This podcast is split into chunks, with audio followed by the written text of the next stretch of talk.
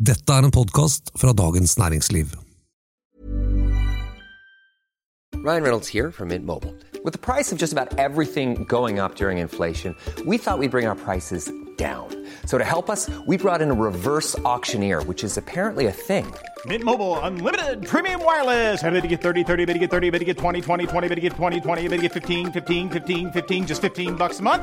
So, Give it a try at mintmobile.com slash switch. $45 upfront for three months plus taxes and fees. Promo rate for new customers for limited time. Unlimited more than 40 gigabytes per month. Slows. Full terms at mintmobile.com. Energikommisjonen vil ha mer av alt fortere, men de tryller ikke bort alt som står i veien for å få det til. Og nå er arbeidslinjen blitt et kynisk triks for å gi syke dårlig samvittighet. Hva skjedde? Dette er den politiske situasjonen. En podkast om politikk fra Dagens Næringsliv med politisk redaktør Fridtjof Jacobsen og meg, Eva Grinde.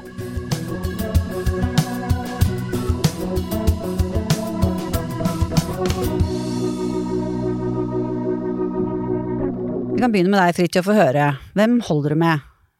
Flertallet eller mindretallet i Energikommisjonen? Og da tenker jeg på dette spørsmålet om det er lurt å tallfeste målet om hvor mye mer kraft vi skal ha her i landet i 2030. Ja, nå eh, Hva mener flertallet, og hva mener mindretallet? Der er jeg litt i surr, ja, altså. Ja. Ja, da skal jeg opplyse deg om det. Eh, flertallet går inn for å tallfeste eh, et veldig ambisiøst tall ifølge absolutt alle som har greid å kommentere dette. For vi snakker jo nå om en rapport som ble lagt fram tidligere i dag, onsdag, så det er jo ferske saker. Og det er altså Energikommisjonen som har lagt fram sin eh, rapport, og det, der er vel, hva skal vi si, eh, oppdraget kort fortalt hvordan sikre at Norge stadig har et overskudd av energi i årene som kommer. Altså nærmere bestemt 2030 er vel liksom det de har Ja, ja. tatt mål av seg. Så da, så da er eh, spørsmålet, er det lurt å tallfeste? Eh, ja, jeg tror ikke det spiller så veldig stor rolle om kommisjonen tallfester eller ikke, eh, og om man når det eller ikke. Da vil vi uansett kanskje være glemt når den tid kommer hva, hva behovet blir. og Det å liksom regne seg frem til akkurat hvor mye vi trenger i 2030, sånn, det tror jeg det er en upresis oppgave. Det henger jo, som vi vet, også sammen med litt hvordan, hvordan det utvikler seg i hele det europeiske energimarkedet. Eh, men, men det jeg syns var, var eh, Jeg er ikke ferdig med det spørsmålet der, jeg altså. Nei, ok. Ja, hva mener du da? Nei, jeg mener nemlig at jeg tror det er risikabelt å ikke gjøre det også. Fordi eh, mindretallet, de ønsker jo å si sånn vi, vi er enige om retning. Vi er enige om at det må produseres mer kraft. Det må legges til rette med mer nett. Og vi må spare inn med enøktiltak. Altså vi må bli bedre på å være effektive med strøm. Og at det ja, det blir sånn, Der er vi enige om retningen, og så setter vi ikke noe tall på det. Så jeg tenker at selv om det er urealistisk, så er det viktig å ha Et tall? Sånn som et et, klimamål, liksom? Ja, litt sånn klimamål, fordi, mm. nettopp fordi det da blir så utrolig uforpliktende. Og bare, eh, bare For at, sånn sett så er det jo ikke noe nytt eller kontroversielt i de ønskene der som Energikommisjonen legger fram i dag. Dette har jo regjeringens medlemmer sagt på inn- og utpust, som vi sier, i månedsvis. At de tre tingene der eh, må vi satse på for å få opp kraft til eh, tilførselen i Norge. At vi har, ja. Jo, men jeg tror, jeg tror det som er disiplinerende, da, det er strømprisen. Og, og hvis det er sånn, som, eh, som Terje Aasland, olje- og energiminister, sa på Politisk kvarter i dag morges, nemlig at bygger vi mer kraft, kanskje spesielt vindkraft, som vi kan ta når det blåser, så vil vi få mer. Vi kan spare mer på vannet, så vi kan ha det de, de dagene vi trenger det, og tappe ned det når vi, når vi trenger det. Eh, og vi kan istedenfor å eh, ha begrensningen som ligger i hvor mye vindkraft vi kan ta inn da fra utlandet, som vi gjør i dag gjennom kabler, når det blåser mye og strømmen er billig der, så kan vi lage mer billigstrøm selv når det blåser, og dermed eh, så vil strømprisen, eh, tilbudet gå opp, og strømprisen gå ned i Norge. Og det tallet tror jeg er mye mer disiplinerende for politikere når de har sett hvor vanskelig det er eh, å styre med høye strømpriser. Så tror jeg det har en vel så mye disiplinerende effekt som et mål som står på et ark som ble laget i 2023, som skal liksom etterprøves i 2030, antageligvis da med ny regjering. Ja, ja, ja. Altså, det er klart at det er veldig disiplinerende hvis man ser at det man gjør virker og at det løser ens problemer, men, men jeg tror ikke det ene utelukker det andre, da. Nei, jeg, bare, jeg bare tenker på den eh, litt sånn psykologiske effekten av å ikke sette opp noe mål, men å, å bare være enige om retning. Kan være litt farlig, da. Det er ikke noe Men, men det risikable er jo at eh, er jo at hvis man har et sånt mål, og det blir et sånt slavisk greie, så risikerer man at man kanskje bygger ut for mye som er ulønnsomt bare for å øke kapasiteten. ikke sant? Eh, og at mange agenter vil jo være inne der og si at vi har dette målet, det er penger å tjene på å bygge ut, vi må bygge ut. Og så kan det hende at vi rett og slett får hva skal vi gjøre med all den strømmen? At noen bare gjør det fordi de har interesse av på en måte billig strøm eller gratis strøm, eller utbyggingen i seg selv. og Det, det fikk meg til å tenke på eh, en av disse tingene som vi husker, da, eh, sikkert er jo, selv om litt sånn fjernt, jeg husker det mer som kulturelt fenomen, men er jo utbyggingen av det store vassdraget i Alta. Stilla, ikke sant? La elva leve. Ja, ja. Der, der har det gått en veldig god sånn dokumentarserie på NRK, tror jeg den er hele historien, som handler om Alta-aksjonen, alt det som skjedde. Og der var jo argumentet vi må bygge ut dette store vassdraget, og det var kraftsosialismen i Arbeiderpartiet, ikke sant? for å ha nok strøm til å drive industriutvikling og sånn oppe i Finnmark, og det skal brukes i industri. Det var, det var den klassiske bygge ut kraft, lage industri. Og så viste det seg etter ettertid, når dette var gjort, og med den enorme politiske kostnaden, at det, det var ikke bruk. det var ikke bruk for den strømmen. Altså det ble bygd ut på, en, på et premiss om at man liksom trengte det når man egentlig ikke gjorde det. Derfor tror jeg jeg kan være litt sånn skeptisk, eller i hvert fall en innsigelse mot den typen tallfesting. Da. Ja, og jeg er helt enig, selvfølgelig, hvis du blir helt blindt og det viser seg at, at det overhodet ikke trengs og dette, ikke sant. Selvfølgelig re revidere underveis. Det, det, er ikke noe, det er ikke noe sånn sovjetisk eh, syvårsplan vi, vi, snakker om her. Men det var, det var bare, bare, den risikoen, da, som, som, ligger i å bare være enige om retning. Ja. Men eh, det var jo var, var, det noe som overrasket deg, eller? Nei, jeg, jeg, syns at den kommisjonen Det var mye kjent stoff? Ja, ja, i hvert fall hvis man følger med. Men jeg syns den bekrefter jo eh, det som nå har vært sagt politisk en stund, nemlig at nøkkelen til å komme oss ut av den situasjonen vi er i nå, med høye strømpriser, selv om jeg tror eh, Jeg snakket med en politiker i dag på, eh, liksom, på Stortinget som sa at nå er det litt mindre frustrasjon rundt det, fordi prisene er litt lavere enn de var ja. da de var veldig høye rett før jul i, i høst. Men så det blir liksom at hvis man skal koke en frosk, så gjør man det langsomt. ikke sant? At nå er liksom én krone kilowattimen, det er noe sånn, det regnes for å være ålreit. Før så var jo det en hysterisk høy pris, når vi var vant til 40 øre. ikke sant? Så, eh, men, men jeg tror at altså Nøkkelen til dette har jo for mange som har foreslått sagt at det har vært liksom å isolere Norge fra Europa, men nå sier nøkkelen er å bygge ut mer kraft i Norge. Vi trenger mer kraft. Og det er jo egentlig det Energikommisjonen også sier, vi må bruke det vi har mer effektivt. Og så må vi bygge mye mer, helst da vindmøller, som er det billigste å bygge. Det er, en, det, er jo en, rapport som, som er en, en, gavepakke til regjeringen, og det den prøver Altså den tolkningen av situasjonen som regjeringen ha, legger til grunn. Uh, her, får de jo, får de jo støtte for sine argumenter, nettopp for jeg syns det ligger, selv om det diskuteres i underkapitler og sånn, så ligger det til grunn at vi skal ikke på en måte kutte kabler og nasjonalisere og Nå setter jeg det litt på spissen. Uh, hører alle som protesterer med at det er ikke det vi sier, men altså den den historien eh, settes til side, og, og, det legges til grunn at vi trenger kabler, vi trenger import, ikke minst på grunn av også en veldig interessant ting, syns jeg, nemlig dette med at klimaendringene vil føre til mye større forskjeller i, i, eh, i klima, som, som, særlig Norge er sårbare overfor, fordi vi, er, vi, vi, vi, lager jo kraft på grunnlag av vann, ikke sant, og regn og nedbør og, mm. og den type ting, sånn at eh, forskjellen mellom et tørrår og våtår kan være 100 eh, terawatt-timer. Nå er ikke det at det sier meg noe sånn umiddelbart, men hvis man eh, snakker om at det er 60 terawatt-timer man har tenkt til å øke den totale kraftproduksjonen i Norge med fram til 2030, så er det ganske mye. Ja.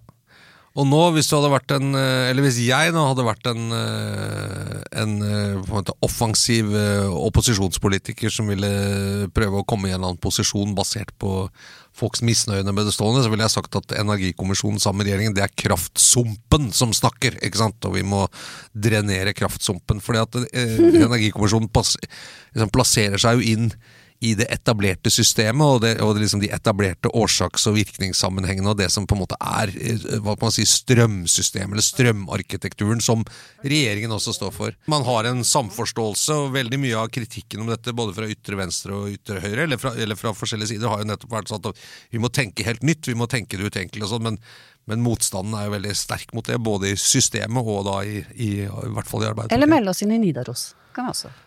Ja, ja ikke Det kan man også gjøre. Uh, så det Men det, men det altså sånn, altså det, ligger til grunn det systemet vi har, syns jeg, eh, i denne rapporten, og at problemet er uh, for lite tilbud av kraft, og løsningen er bygge ut kraft i Norge, uh, og bygge ut nett, og spare strøm. Være smartere med bruk av strøm. Ja. Det er liksom den tredelte løsningen som vi har jo hørt mye om. Ja, og så er vi inne i det som, som eh, Kjetil Lund, da, sjef i, i NVE, eh, liker å kalle liksom energitrilemma, som vi har lært om. Folk vil ha billig strøm. Eh, de vil liksom ha en eh, stabil eh, og trygg forsyningssikkerhet. At det alltid er nok strøm i systemet, også på de dagene vi bruker aller mest, både folk og industri.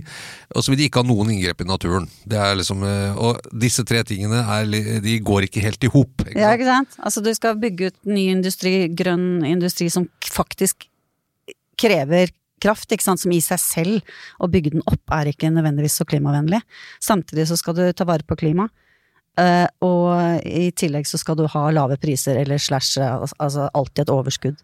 Ja, for det, hvis du skal ha en helt hvis du skal ha en nasjonal eh, kraftproduksjon som bare er norsk, som gjør som kan ta unna de, den timen i året hvor det brukes aller mest, så må du ha masse kapasitet som du kan kjøre på, som bare er bygd ut, men som bare du skrur på noen få ganger i året. og Det koster jo veldig mye å, bygge ut det bare for å ha det i bakhånd, eh, hvis det er sånn. Og, og det andre er hvis du skal lage mye mer kraft i Norge, så, så må det jo det, Fornybar kraft det gjør, gjøres jo ved å bruke naturen, da. enten ved å sette opp vindmøller, eh, eller ved å lage svære solcelleanlegg, eller ved å legge fosser i rør, eller fosser og vassdrag i rør, og demme opp, og, så gå utover fisk og tappe de opp og ned, og, og fossene forsvinner osv. Det, er liksom, det er ikke noen noen, eh, Du kan ikke gjøre dette til inngrep, og, og så langt har jo motstanden mot f.eks. vindmøller på land, da, som er jo mye billigere enn disse på havet og kan gjøres mye fortere, har jo vært så stor at det har ikke vært politisk mulig å gjøre det i noe særlig grad. Ja, nei, for det er jo eh, fire vel punkter der også, da, når det gjelder fornybar energi, hva, hva vi skal gjøre for å få mer av den. Og det ene, eh, ganske stor eh, del av det, er jo å, å, å utvide det vi allerede har av vannkraft på ulike måter. Ikke sant? Det var jo snakk om syv eh, terawattimer. Syv av 60, da.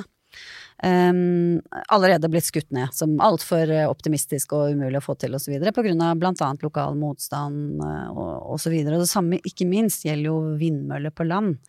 Der, uh, er, det er jo snakk om uh, det, 2030, det er ikke, faktisk ikke så mange år til, det. Sju år til. Eh, og eh, det er jo fortsatt ikke igangsatt eh, prosjekter eh, når det gjelder vindkraft på land, selv om det nå viser seg å være lønnsomt. Så er det masse som står i veien, både politisk og lokalt byråkratisk og og så videre. Så, og det er snakk om at det tar seks-sju år å få Ja. fra liksom konsesjonssøknad til noe er oppe og går. Ja, det Så det er lett å si at denne planen er litt optimistisk. Ja, men det, men det er jo kanskje minner folk på at det, det å produsere kraft da, det, er liksom, det er ikke en teoretisk øvelse som du kan diskutere på et liksom, partilagsmøte med kaffe og vafler og sånn. Eh, Det er en praktisk ting som må gjøres, og som hvis du skal lage ny, så krever det at du faktisk gjør noe. Og så har det vært det som har vært litt fascinerende med havvind, eh, som jo har blitt fremholdt som en løsning, men som kanskje nå er blitt litt avslørt at det, havvind er ikke en sånn magisk nøkkel som løser dette. For det første er det veldig dyrt å bygge ut eh, per i dag. For det andre så er det liksom uklart hvor mye det vil gi. Eh, og, og, og det, men det som var deilig med havvind, er at det er masse vindkraft som ingen ser, for det er langt ute i havet. Så du, du, får ikke, du får ikke det der not in my backyard-syndromet blir borte. Eh, og så ble det også fremstilt eh, på, altså litt sånn rosenrødt, man har ikke gjort det så lenge, at havvind skulle nærmest være en ny industri, vindmøller til havs, som skulle være like lukrative og fete å jobbe i som å jobbe med å lage eksepsjonelt avanserte undervannssystemer for boring av olje, eller, eller supply ship som betjener store oljeplattformer og sånn. Det er det jo selvfølgelig ikke. Eh, Men Ja, kanskje. Energikommisjonen har avslørt det litt nå, da. At eh, det å skaffe nok kraft, det handler ikke om sånne, hva skal man si Vannslått, kan man kalle det det? Ja. Ja, det kan vi kalle det. Selv om Men- det er en del av miksen, altså. Men, men du løser ikke hele problemet. Nei, altså det som man vel har aller mest tro på nå, er jo dette vindkraft på land, men da blir det jo veldig spennende å se om det holder. Altså et forslag som nå er ute på høring, det er jo det å gi en større andel av den eh, økte grunnrenteskatten på kraft til kommunen, ikke sant. Sånn at kommunen har et insentiv til å ønske å bygge ut. Og det er klart liksom, og også, det var jo også noe som Terje Aasland sa i dag på, på pressekonferansen, dette med at eh, folk vil Altså, det å ha kraftproduksjon nær seg eh, øker også muligheten for industri og arbeidsplasser og den type ting, som man jo ønsker seg eh, veldig mange steder i landet. Så, så, så der eh, den, den der blir det veldig spennende å følge. Jeg var i Danmark i fjor sommer, på Nord-Jylland. Mm. og Der er jo ikke liksom begeistringen for sentralmakten enorm, for å si det forsiktig. Det er Ikke ikke. København er liksom ikke det, det har ikke samme klang som for nordmenn som skal dit og spise smørbrød akkurat på Nord-Jylland. Der er det vindmøller overalt. Der er det jo veldig mye privatland, eh, og der ser du vindmøllene veldig godt, for det er flatt, så du ser dem jo overalt. Eh, og så tenkte jeg det var veldig rart at danskene, som på en måte ikke er så glad i å gi fra seg ting, eh, og, og kan sin økonomi, hvorfor er, de, hvorfor er de så opptatt av vindmøller og vått? både store og små? Men det var nettopp fordi at eh, for det første, Hvis du satte opp en selv, så fikk du litt tilskudd til det, og kommunene fikk beholde en del av inntektene fra det, slik man også får gjøre på en del vannkraft. ikke sant? Og det, Dermed så kom det jo innbyggerne til gode. Da fikk de svømmehall og, ikke sant? Og, eller bedre skoler eller bedre ting, og da ble, jo, eh, da ble det lettere å svelge. Så det, det, det må nok liksom sukres med det hvis man skal eh, nå denne drømmen som var beskrevet i VG da, om vindmøller langs alle norske motorveier. ikke sant? Ja, som det jo er en del av både i Tyskland og Danmark. altså. Ja, og der gjør det ikke så mye. Det er ikke så pent langs motorveien. Så kjører regel ned, kommer liksom over til Tyskland fra Danmark da jeg kjører, så det er, liksom, du ser, det er litt sånn nytt. Du bare, det er noen enorme vindmøller som står hele tiden langs veiene der hvor du kjører. Da. Det er egentlig litt sånn, til, det er alltid lett med å se tilbake, men at man liksom ikke tenkte ordentlig på det. For det har jo vært, vært sånn nestenulykke med, med utbygging av, av vindkraft på land før, men de måtte stoppe det pga. protester. Ikke sant? At, man, at det liksom ikke Jeg syns det er ganske åpenbart at det bør, at det bør kompenseres for. Men det, det er sånn som kanskje er litt sånn lett å se etterpå. Men uh, skal ta med det, da. At det kanskje er det. I bunn og grunn så handler jo kraft eh, ikke bare om at vi skal få billigere strømregninger, eller, eller kanskje la være å komme ut av dette strømstøtteordningen til slutt, men, men det handler jo også om arbeidsplasser. Så At Norge skal ha nok eh, rimelig kraft da, til at vi kan lage nye industrisatsinger og, og grønn omstilling. Og vi trenger strøm, da, kraft, for å drive med, med industri og produksjon. Og det, det går litt over til neste tema, for vi vet jo begge to, Eva, i hvert fall vi som er så heldige at vi jobber her, at arbeid er meningen med livet. Det er det. Og det gjelder både for samfunnsøkonomene og for hver enkelt av oss. Eh, Men kanskje ikke helt på samme måte. Men eh, mer om dette etterpå. When you make decisions for your company, you look for the no brainers. And if you have a lot of mailing to do, stamps.com is the ultimate no brainer. It streamlines your processes to make your business more efficient, which makes you less busy. Mail checks, invoices, legal documents, and everything you need to keep your business running with stamps.com. Seamlessly connect with every major marketplace and shopping cart. Schedule package pickups and see your cheapest and fastest shipping options from different carriers. With rates up to 89% off USPS and UPS rates. And with the Stamps.com mobile app, you can take care of mailing and shipping wherever you are. Make the same no-brainer decision as over 1 million other businesses with Stamps.com. Sign up with code PROGRAM for a four-week trial, plus free postage and a free digital scale. No long-term commitments or contracts. That's Stamps.com. Code PROGRAM.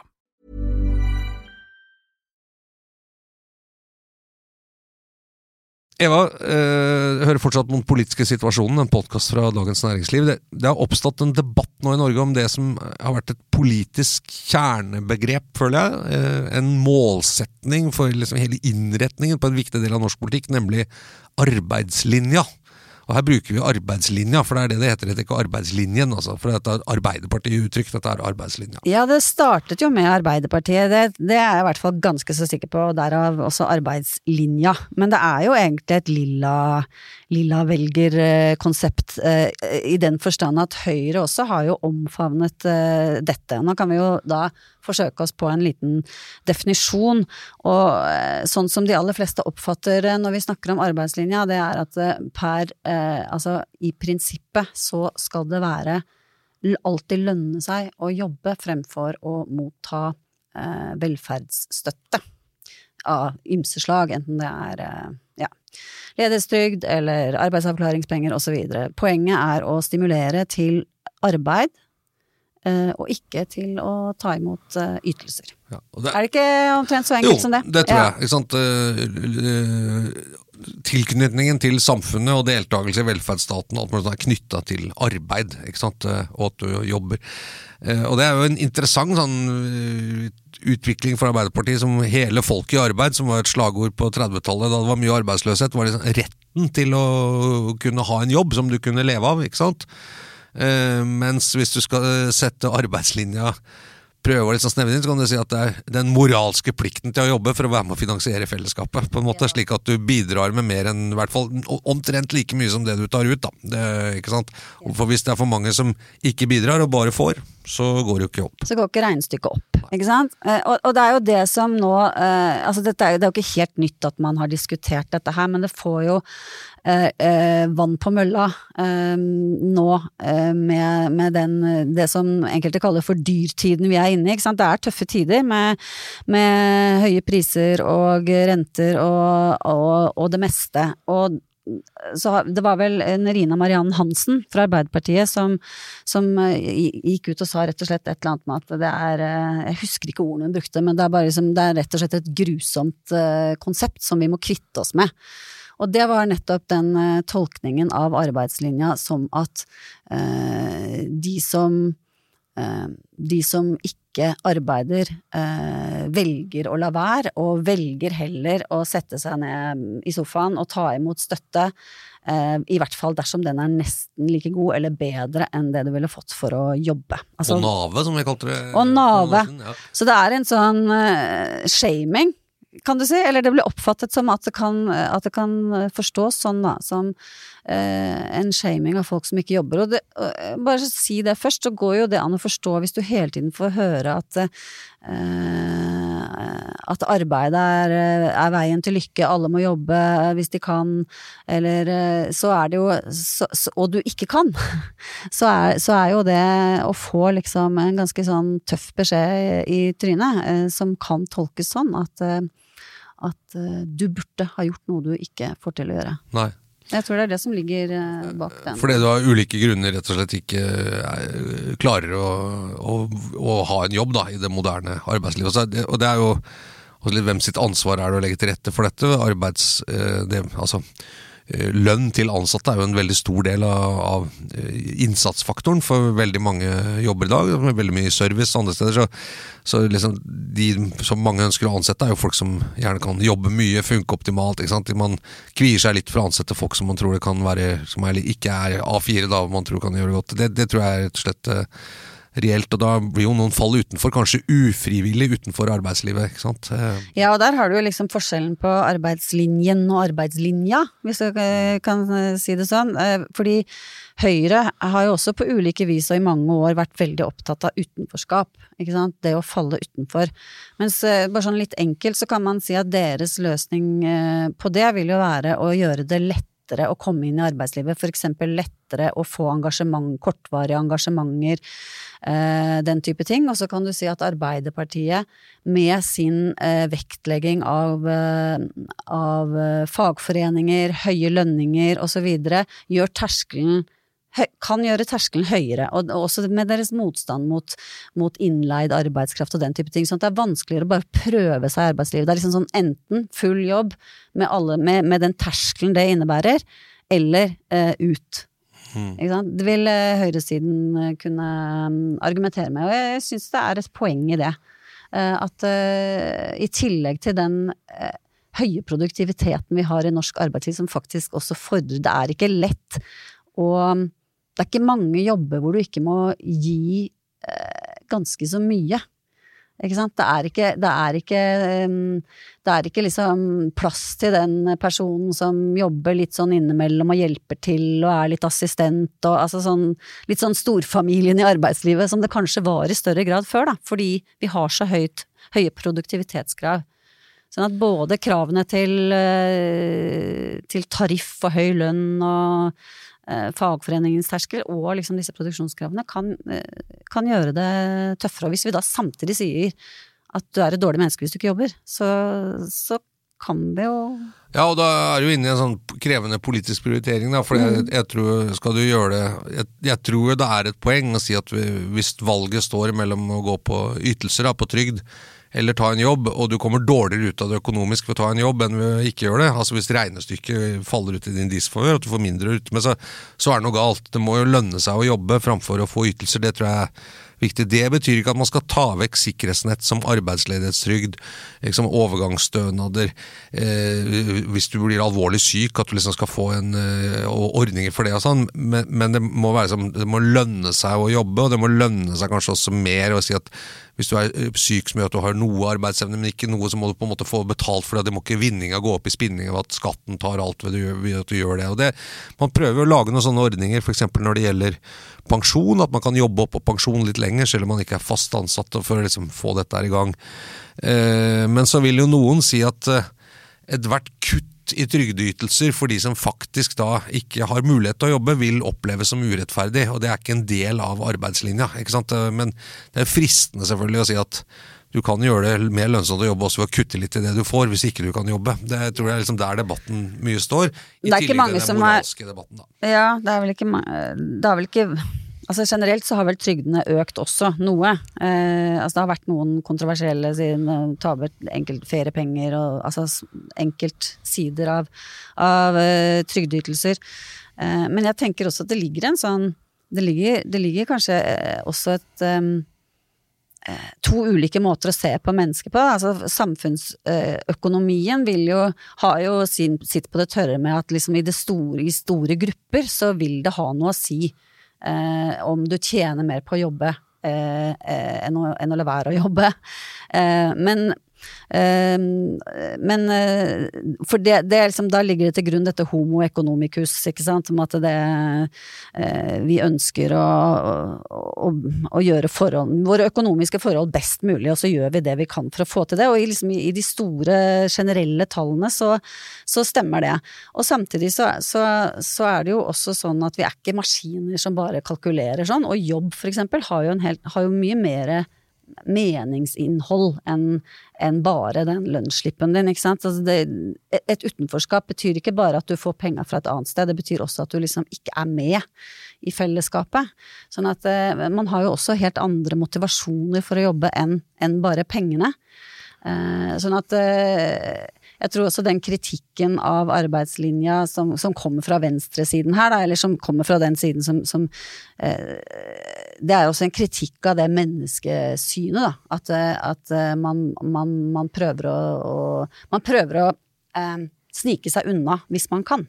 Ja, ja og, det, og det, Arbeiderpartiet har jo stått sant, veldig hardt på det med arbeidslinja altså, og sagt at det, sant, det er vårt mål. Eh, og også med viss sånn moralsk eh, argumentasjon at det er en slags plikt du har til å bidra.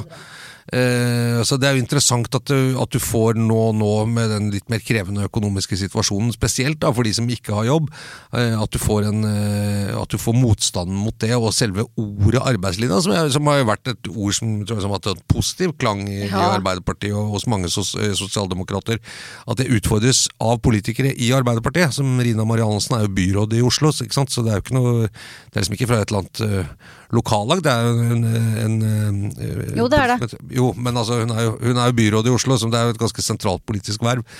Så det, jeg syns det er interessant at den eh, kommer, og jeg, jeg, jeg tror det som du sa til å med, jeg tror det er knyttet til nettopp det at med økte priser på mat og strøm og, og renter osv., så, videre, så, vil du, så vil du nettopp få snakke om liksom, hva er levekår, og hva skal vi akseptere for de som Og, og da er vi litt inne på en annen debatt som var kanskje litt forrige ukes debatt, nemlig det med eldreomsorg og helseminister Kjerkol, som fikk veldig mye kritikk, eh, også meg for, for å liksom i møte med svikt i eldreomsorgen som var avdekket i, i, i NRK spesielt, og også andre steder dro frem dette som i og for seg er sant, at man må planlegge sin egen alderdom. Hvordan man skal bo, og hvordan man skal klare seg når man blir gammel. Og det ble jo oppfattet som at hun da siktet til de som ikke fikk den hjelpen de skulle ha. At de, som om de hadde et slags eget ansvar for den, den situasjonen de hadde havnet i. Ja, det jeg tror ikke hun mente det, hun mente selvfølgelig ikke det, men det ble oppfattet litt på den måten. Ja, for det sammenfalt jo med en god del um, sterke mediesaker med enkeltpersoner som, som fortalte om hvordan de hadde opplevd uh, episoder på eldrehjem osv., og, så videre, og to, uh, to dokumentarer produsert av NRK uh, om eldreomsorgen. Og så si, når du har liksom det på netthinnen på den ene siden, og så får du en helseminister som sier på den andre siden man må, man må jo planlegge for sin egen alderdom, så er det liksom sånn unnskyld meg, mener hun at de skulle ha planlagt bedre? Så var det, ikke sant.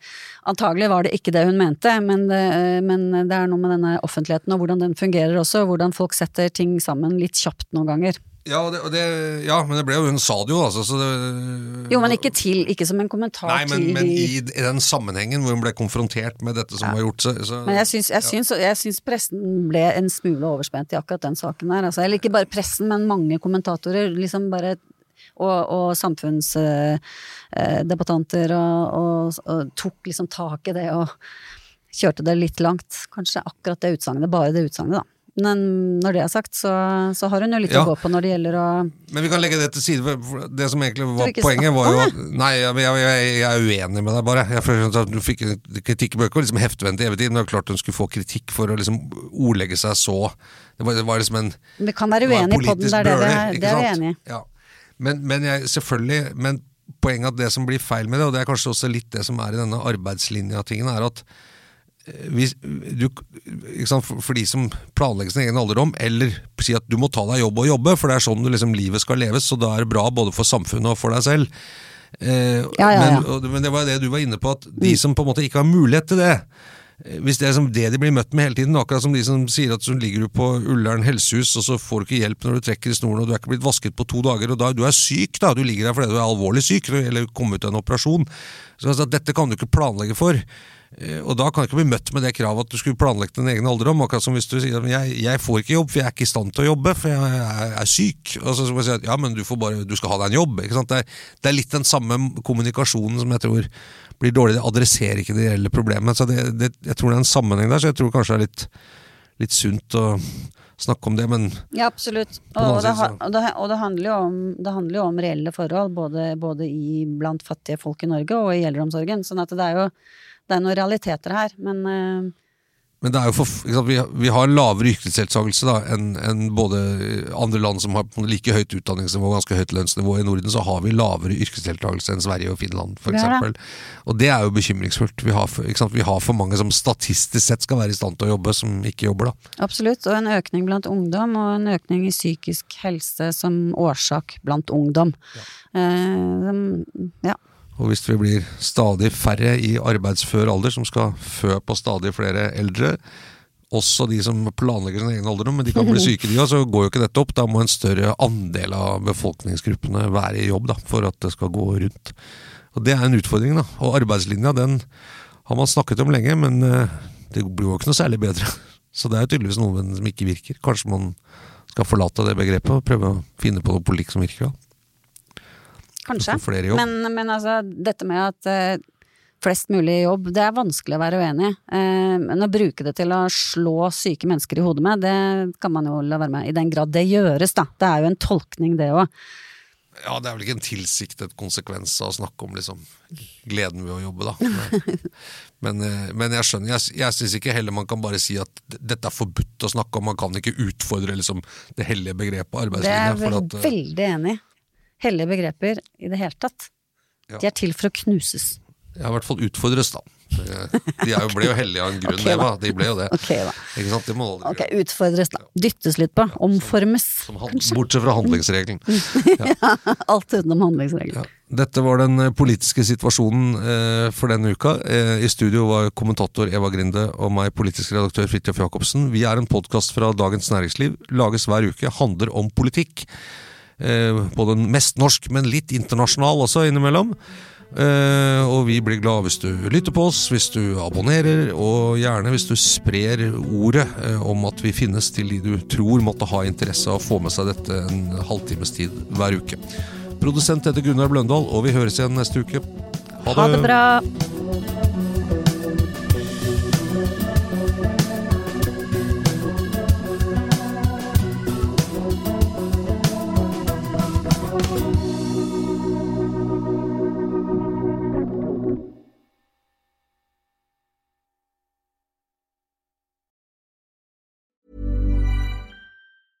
Even when we're on a budget, we still deserve nice things.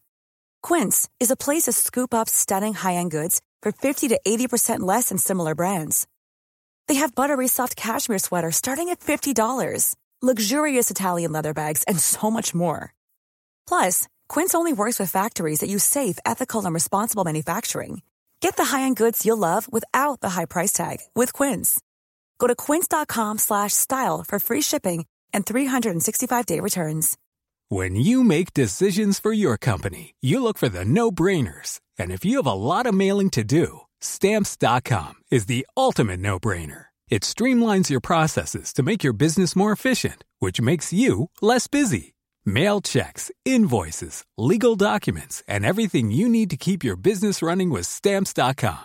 Seamlessly connect with every major marketplace and shopping cart. Schedule package pickups and see your cheapest and fastest shipping options from different carriers with rates up to 89% off USPS and UPS rates. And with the stamps.com mobile app, you can take care of mailing and shipping wherever you are. Make the same no-brainer decision as over 1 million other businesses with stamps.com. Sign up with code program for a 4-week trial plus free postage and a free digital scale. No long-term commitments or contracts. That's stamps.com. Code program. Du har nå hørt en podkast fra Dagens Næringsliv.